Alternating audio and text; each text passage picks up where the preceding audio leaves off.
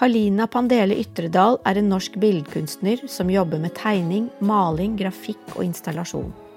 Hun er bl.a. utdannet ved Statens håndverks- og kunstindustriskole og Statens kunstakademi i Oslo. Hun er født i Bucuresti i 1955 og begynte allerede på kunstskole som elleveåring. Fortsatte med teori og praktiske grunnkurs på videregående og senere på Kunstakademiet i byen. Ytredal er spesielt opptatt av lys, og har, kanskje som eneste norske maler så langt, forsket på og jobbet med iriserende og interfererende maling. Det betyr at pigmentene i denne malingen gjør at bildet forandrer karakter etter døgnets skiftende lys. Også installasjoner som glassmaleri er å finne blant Ytredals mange verker. Noen ganger maler hun lyset, andre ganger projiseres lys gjennom lysskulpturer. Hun har også skrevet flere lærebøker og undervist om farge og lys ved Kunsthøgskolen i Oslo, Nordisk institutt for scene og studio, Nasjonalmuseet og Norsk kunnskapssenter for lys. De siste årene har kunstneren vært opptatt av forskyvninger og endringer i den globale økologien, hvordan dyrearter er truet av befolkningsvekst og klimaendringer, og hun har samarbeidet med klimaforskere om disse temaene. I denne kunsten spiller både lys og mørke viktige roller. Jeg er Anniken Dedekam Råge. Du hører på Plenty-podkasten Kunstfilter.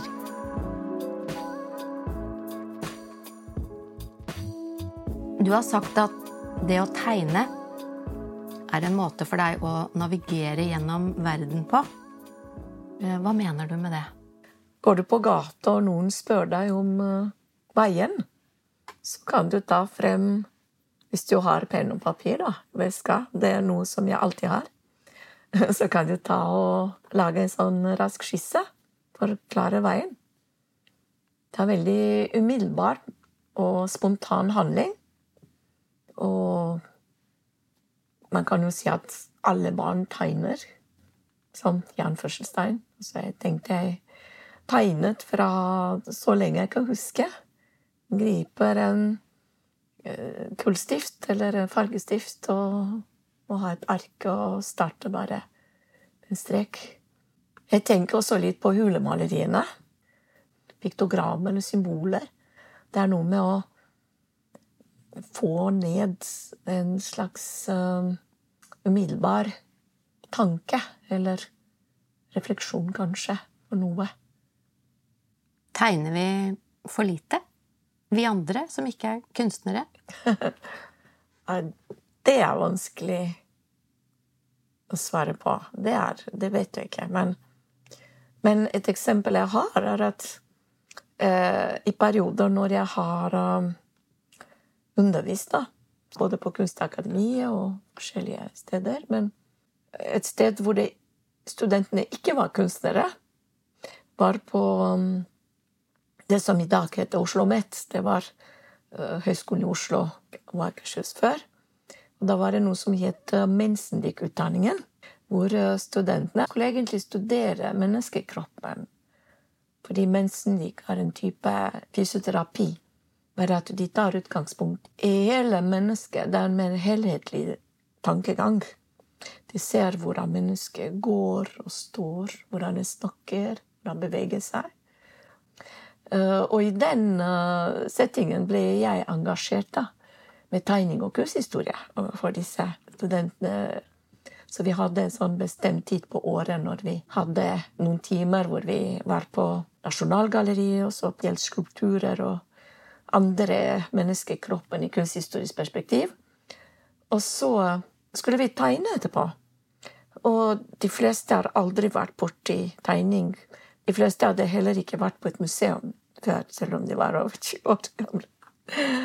Så det som skjedde, var at største utfordringen var å, å få innafor et ark et menneske sånn fra topp til tå med riktige proporsjoner. En pasient Da tegnet de først denne pasienten og uh, var veldig nøye med å gå inn og se på uh, hvordan han står på et gulv. Liksom gravitasjonskraften er liksom det grunnleggende, og hvordan vi klarer å balansere på et gulv.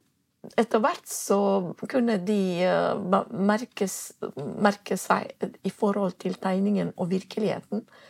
Så begynte de å se i forhold til akser og planer og sånn som er noen fellesuttrykk da, for oss, for kunstnere, og det de holdt på med i sitt arbeid, til at det var ting som ikke stemte. Så ut ifra det klarte de til slutt å gjette seg frem til hvor problemet lå hos pasienten. Og kanskje det er for langt å si diagnostisere, for det var en læresituasjon. Men på en måte få ut av studenten, sånn at han sa med egne ord til slutt akkurat hva problemet var. Og så lette de seg frem hvordan kan dette løses. Så det var en veldig fin læremåte. For meg så høres det helt fantastisk ut at man gjennom tegning kan oppnå sånne resultater. Hva, hva tenker du selv om akkurat det? det? det? var veldig spennende med de som aldri vært borti dette før. Og at det viktigste var å glemme at du skulle få til et pent bilde. Hvis det var en dame som sa så var jeg opptatt av å få på noe øredobber eller fine lepper eller øyne. Men så glem dette her. Før, før det, hvor er tyngde i kroppen? Hvor er hodet? Hva tenkte du? Og etter hvert så kunne de se til og med et uttrykk. Fordi det på en måte er litt sånn psykologisk. Det er et levd liv som sitter eller står foran deg. Så et portrett er ikke bare ansiktet, men det er hele kroppen også. Man, man måtte overvinne en sånn motgang, altså en motvilje. Fordi det kommer av at de fleste sier 'nei, dette kan jeg ikke', 'uff, nei, det orker jeg ikke', det får ikke til'. Vi tok på en måte luven av den forferdelige uh, og prestasjonsangsten og frykten, og at vi rett og slett kunne fokusere på essensen og på saken. Og da ble det at de selv ble overrasket at Og så Oi, hva jeg fikk til nå! Jeg visste ikke at du kunne gjøre dette. Det har jeg aldri gjort før. Å, har du aldri trent før? Men her er du. Da kunne vi si at det var bra på slutten. Mm. Så mm. Og som kunstner og, og, menneske så er du opptatt av, av menneskets forhold også til naturen. Kan du utdype det? Ja, så Jeg tar utgangspunkt i meg selv som et annet menneske blant mennesker som, som helt siden jeg var veldig liten. Jeg husker jeg jeg lek, var med min bestemor i en park og lekte kanskje fire år gammel. Og jeg var um, satt på bakken og kunne studere en, noen ville, for eksempel. Og så et hadde iriserende vinger, og lurte på hvordan Observerte at fra en vinkel så var han grønn, og fra en annen vinkel var han blå. Tenkte vi all verden, er dette mulig? Og så på hvordan en krøp og beveget seg, og hvor går den? Og fort. Så jeg var veldig sånn observerende. Men jeg lot den være. Jeg vet ikke om jeg tenkte på meg selv som en del av naturen på den tiden, men jeg var veldig jeg rev ikke av uh, vinger av uh, Eller gress eller blomster. jeg tror kanskje at jeg hadde en sånn For mye å si for en fireåring respekt for naturen, men det var noe sånn litt innbygd, da, kanskje. Og det var med sånn utforskende øye. Og på den andre siden så hadde jeg veldig sterke drømmer da, om landskaper. Allerede var så lenge jeg kan huske om eh, til og med verdensrommet i sterke farger. Så jeg måtte stå opp midt på natten og tegne og male. Det henger litt sammen med det forrige spørsmål å forstå verden gjennom tegning. Jeg forstår også verden gjennom om det var tegning eller maleri, og så sette det ned på papiret. Eh, for da ble dette virkelig for meg og hvordan er det da Du snakker om deg selv som en fireåring. og Når var det du kjente at det var denne veien du måtte gå? Å tegne og male og bli kunstner? Det har aldri vært noe spørsmål. Jeg må skyte inn her at jeg Min mor da, tok meg med i Nasjonalgalleriet, hvor jeg så et maleri av Rembrandt den gangen. Hvor det var for meg bare lys. Og da sto jeg der helt som forsteinet. Jeg klarte ikke å gå, nesten, når de stengte museet, og jeg ville ikke gå. Altså, det gjorde et så sterkt inntrykk på meg. Så det var en sånn uh, Satt seg i, på netthinnen og på det indre blikket, da. Så jeg følte Så det var også ikke bare naturen med disse indre drømmene, men også kunsten. Så det betyr at dette til sammen laget et eller annet hos meg så ga en mening i mitt liv. Som ble en sånn tråd i mitt liv. Og det hadde med lys, faktisk. Lys, farge Altså det gjengi min måte å forstå virkeligheten og verden på. Og, så den fulgte jeg bare sånn uten å stille spørsmål, egentlig, til i alle disse ti årene da, som har gått til i dag. Jeg har aldri stilt spørsmål, egentlig. I atelieret i Oslo sentrum står maleriet 'Hvor er jeg?' eller 'Where am I?'. Det er malt med iriserende maling og akryl på lerret og måler 122 ganger 170 cm.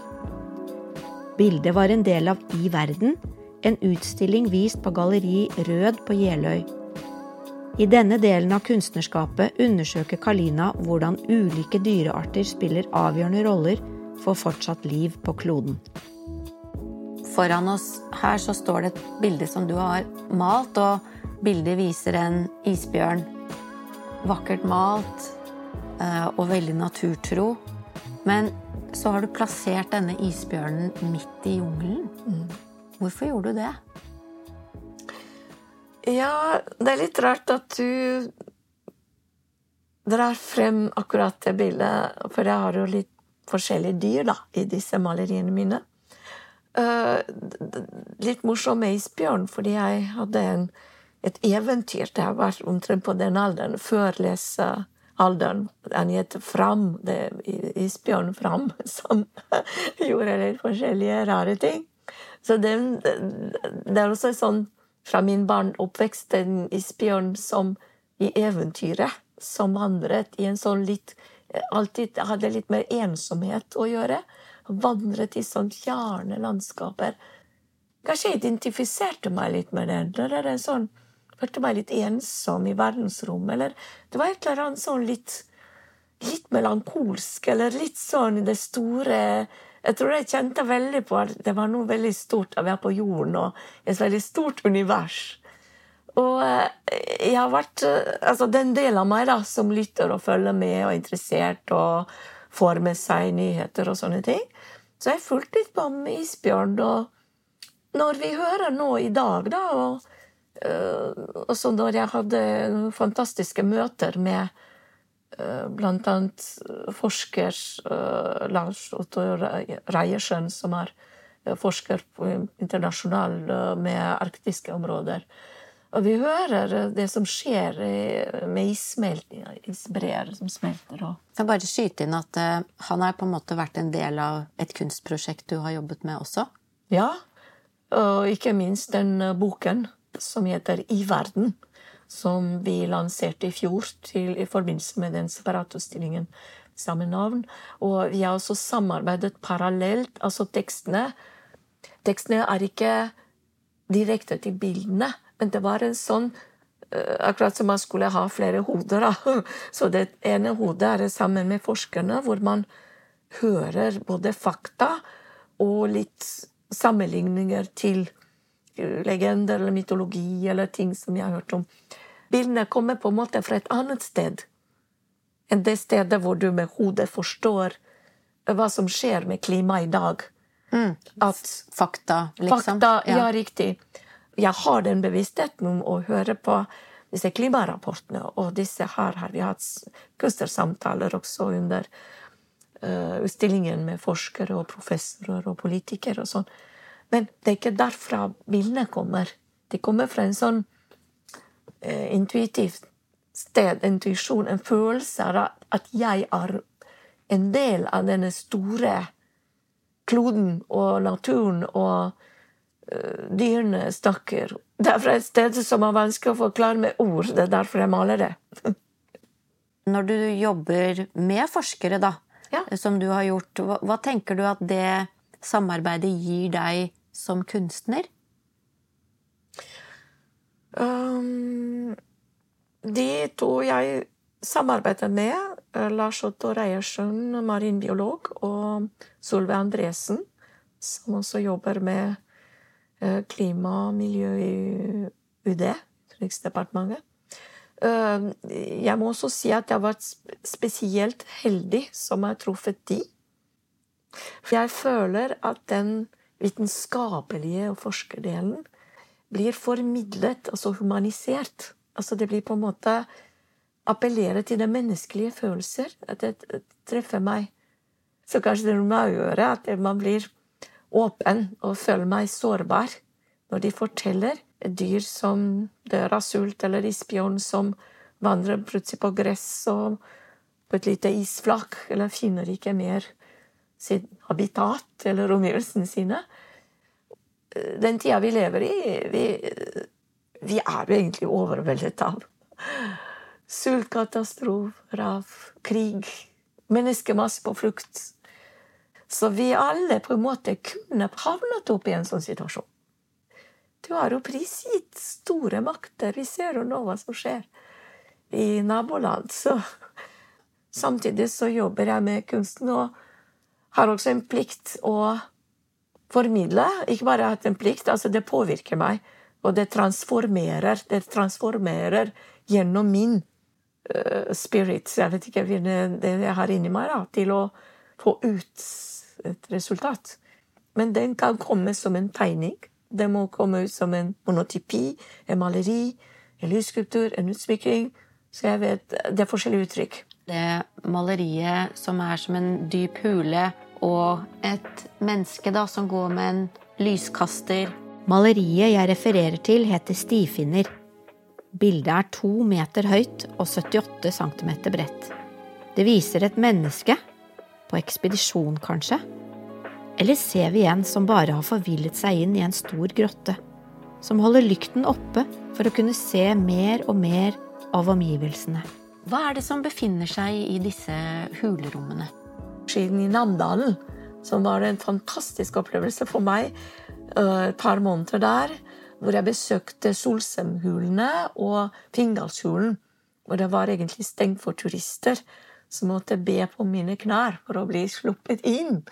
Jeg måtte fire meg ned 30 meter langs en sånn leider, en sånn ganske skummel sak, ned i bunnen på denne grotten. da. Innerst inne der bodde disse menneskene, hulemennesker, da, i Der hadde de en konstant temperatur på pluss fire grader. Og de var også beskyttet for dyr, farlige dyr, for andre som kunne angripe. Så det var på en måte en sånn sted du kom litt sånn i trygt. Du kunne beskytte deg selv. Du ikke ble forstyrret eller oppdaget. Da får du liksom områ deg litt. Sant? Og kanskje komme litt rustet, tatt med pil og buen og skjoldet, eller hva det måtte være. En litt sånn følelse, samtidig som har litt å gjøre med disse trærne og trestammene og det vi ser når vi går i skogen. Jeg hadde disse to store tegningene som jeg kaller In Another World, én og to.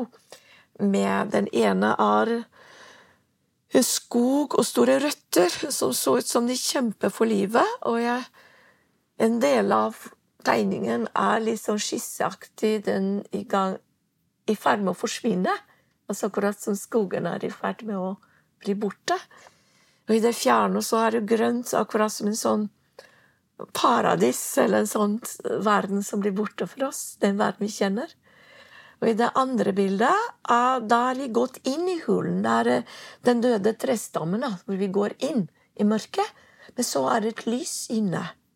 Og det ligner det lyset litt på den, den grotten du spurte meg om, hvor det også er et menneske som går inn i et lignende mørkt rom.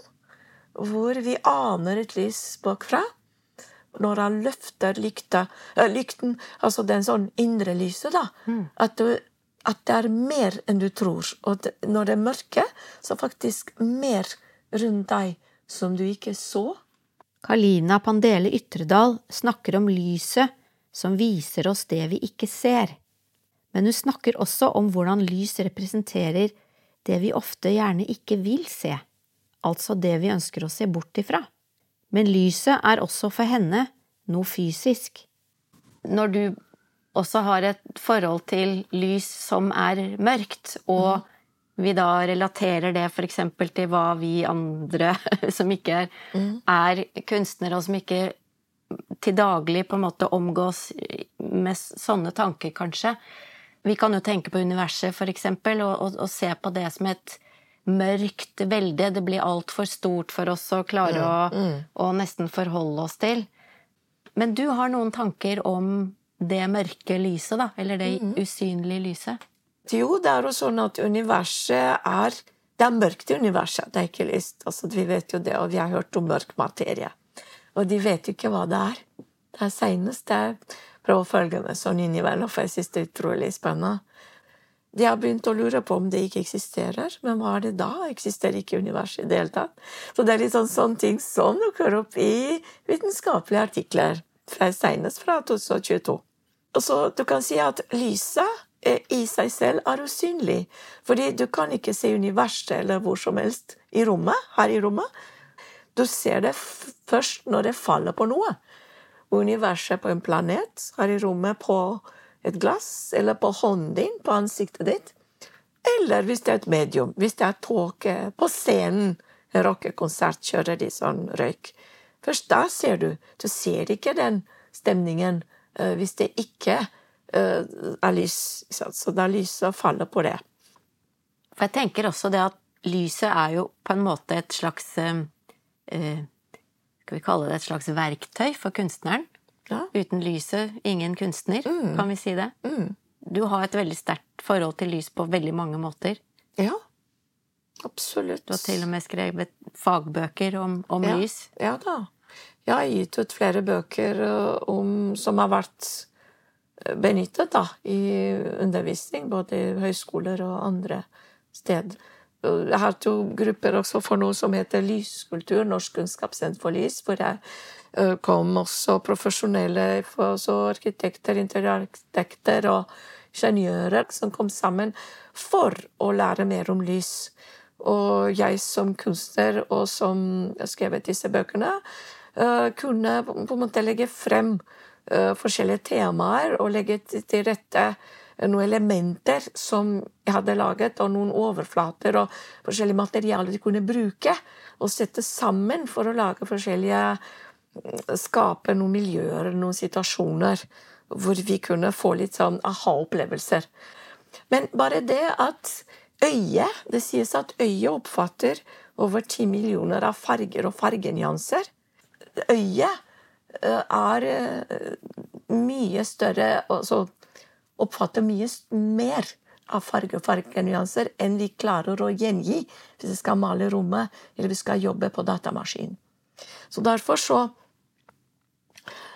er det noe med det indre lyset, da, og farger du ser i ditt indre blikk. Det er ikke noe mystisk, på en måte. Det er rett og slett hvordan vi har laget. Og de jobbet med lys også, med lysprogrammering.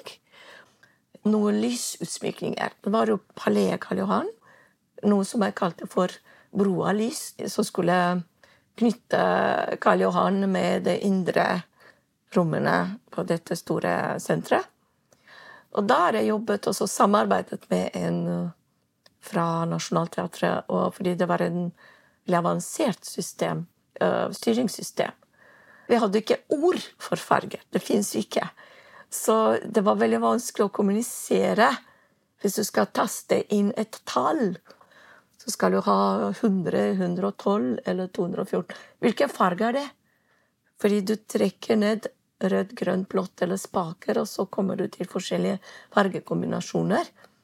Og hvis du i lyset, hvis alle tre primærfargene rødt, grønt og blått RGB har 100% på, så får du hvitt.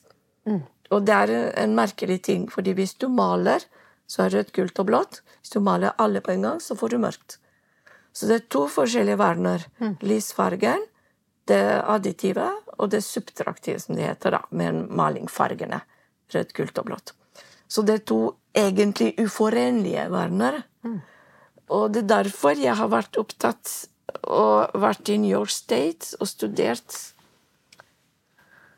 iriserende og interfererende type maling, som er en type maling som samspiller med lysbølgene, og henter ut av et lerret. Altså lyset og, og, fargene på litt annen måte enn vanlig maling. Hva, hva, hva, oppfatter øyet når du forklarer det på denne måten? Så tenker jeg at vi ser noe som vi ellers ikke ser.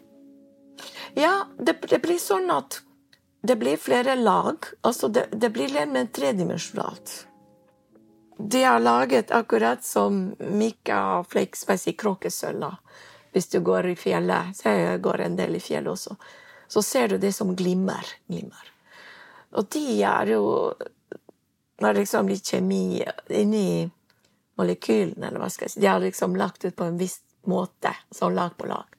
Og da har en evne til å fange inn lysstrålen. La oss si en blå farge. Øh, vi må jo si at det hvite lyset da inneholder alle fargene i spekteret. Det ser vi når det har regnet i regnbuen. Men et medium, for eksempel Vi ser jo ikke lysstrålen, ikke sant? Men hvis det treffer et medium som flere lameller, for eksempel en kråkesølv, uh, fanger inn lysbølgen, kortbølgen, uh, blå. Og disse, denne malingen da, er laget ut ifra sånne materialer som har en evne til å forsterke den blå fargen fra den ene vinkelen. Men i og med at det er prismeaktig, så kan du fra den andre vinkelen fange inn det komplementære av blå, som er oransje. Så det er litt sånn de kaller for flip-over-effekt. Sånn at du I teorien kan du jo fått uh, en skiftende farge på en overflate. Men jeg har jobbet med disse, den type malingen sammen med akryl, f.eks., men også brukt mye tid på å utvikle en egen teknikk, da, hvor jeg blandet med flere transparente medier og litt forskjellig, sånn som en alkymist, nesten. Lag på lag, da. Og eksperimentert. Gjort veldig mye tester først, før jeg har gått løs på første For at det ikke skal bli bare en sånn effekt, men at det skal ha en sammenheng med det jeg ønsker å uttrykke. Og det er det foranderlige i naturen, menneskeliv, hvor du oppfatter litt flere lag av eh, et maleri men få en farge til å bli briljant uten å få det lysere, uten å dempe den. Da kom transparens inn. Og denne evnen til å la selve lyset til å jobbe sammen med pigmentfargen. Så det er møtet mellom pigmentfargen og lysets farge som jeg har vært opptatt av. Du går jo unektelig i dybden. Mm.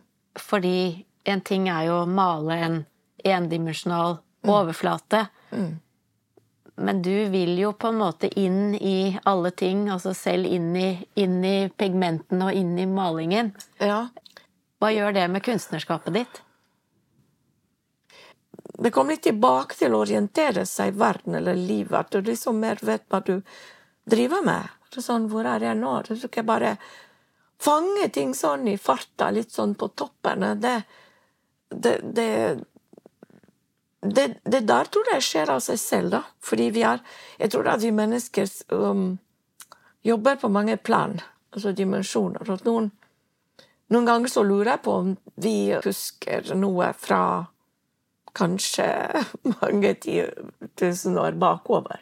For noen ganger så lurer du på hvorfor jeg er opptatt av akkurat det. Jeg liker å gå på historisk, kulturhistorisk museum eller sånn gamle kultur eller sånn. Henter noe derfra som har med øyeblikket å gjøre.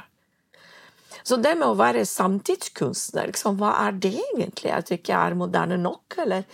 Altså, jeg, jo, jeg lever jo nå, da, så jeg, er ikke Jeg lever ikke for tusen år siden. Jeg hadde kunstnersamtale med uh, kurator fra Kulturhistorisk museum. og ble hørt at sa at du, du forteller Du har uttrykt noen setninger akkurat som en som heter Grosseteste, som bodde på 1100-tallet. Altså, har du lest hans Jeg hadde knapt hørt om, så jeg måtte sette meg ned og Hvem er dette?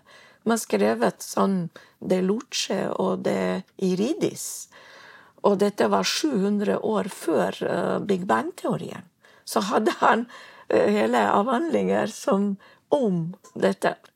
Så, så, jeg tenker at kanskje vi også uh, Akkurat som du kan spørre hvorfor en plante vet hvordan man skal vokse, og perfekt med i spiralform, og alt er så geometrisk eller så perfekt laget. Kanskje stole litt mer på at det er der og hente frem. Ikke være redd for å være gammeldags, eller at det er interessant rett og slett å gå i historien, eller kulturhistorien, eller kunsthistorien, og så møte det du opplever i dag. Du kan til og med ha noen sånn minner fra fremtid, som jeg har malt noen par bilder her rett før pandemien satt inn. Det med gråtne følelser. Du skal inn i et sted og skal lyse for å se om det er noe rundt deg. Det er nesten som de har gått i isolasjon din mars 2020. Altså det er noe som er i gjerdet. Så kanskje det er det det gjør med meg når du spør meg. At jeg på en måte tør å være alene med meg selv i mitt indre. Og ikke være redd for at jeg mister det noe der ute. Fordi det er nesten verre å miste seg selv, da. Mm. Det er det jeg føler. For rent uh, avslutningsvis så tenker jeg at det temaet du er inne på nå, det er jo noe som ikke bare gjelder en kunstner, men som kanskje en kunstner ønsker å formidle. Og det du snakker om, indre, mm. ytre konflikter. Mm. Hva er din kommentar til det? Det er veldig, det er veldig vanskelig å si noe sånn klokt. Den, den, gangen når det var stille, og vi måtte, måtte være med oss selv Jeg på mitt atelier så følte jeg at det kom veldig mye til overflaten. Jeg var ikke lidende av det på den måten. Altså, man blir lidende av at man ikke får eksponert seg, kanskje. Uh, få tingene ut på utstillinger og få kansellert. Mens nå det, når samfunnet er åpent, så er det på en måte selvfølgelig gleden for at du kan ut og vise og være med. Og det er litt sånn en dualitet, da. En dobbelthet. At du må være sterk og holde altså, det du faktisk arbeider med.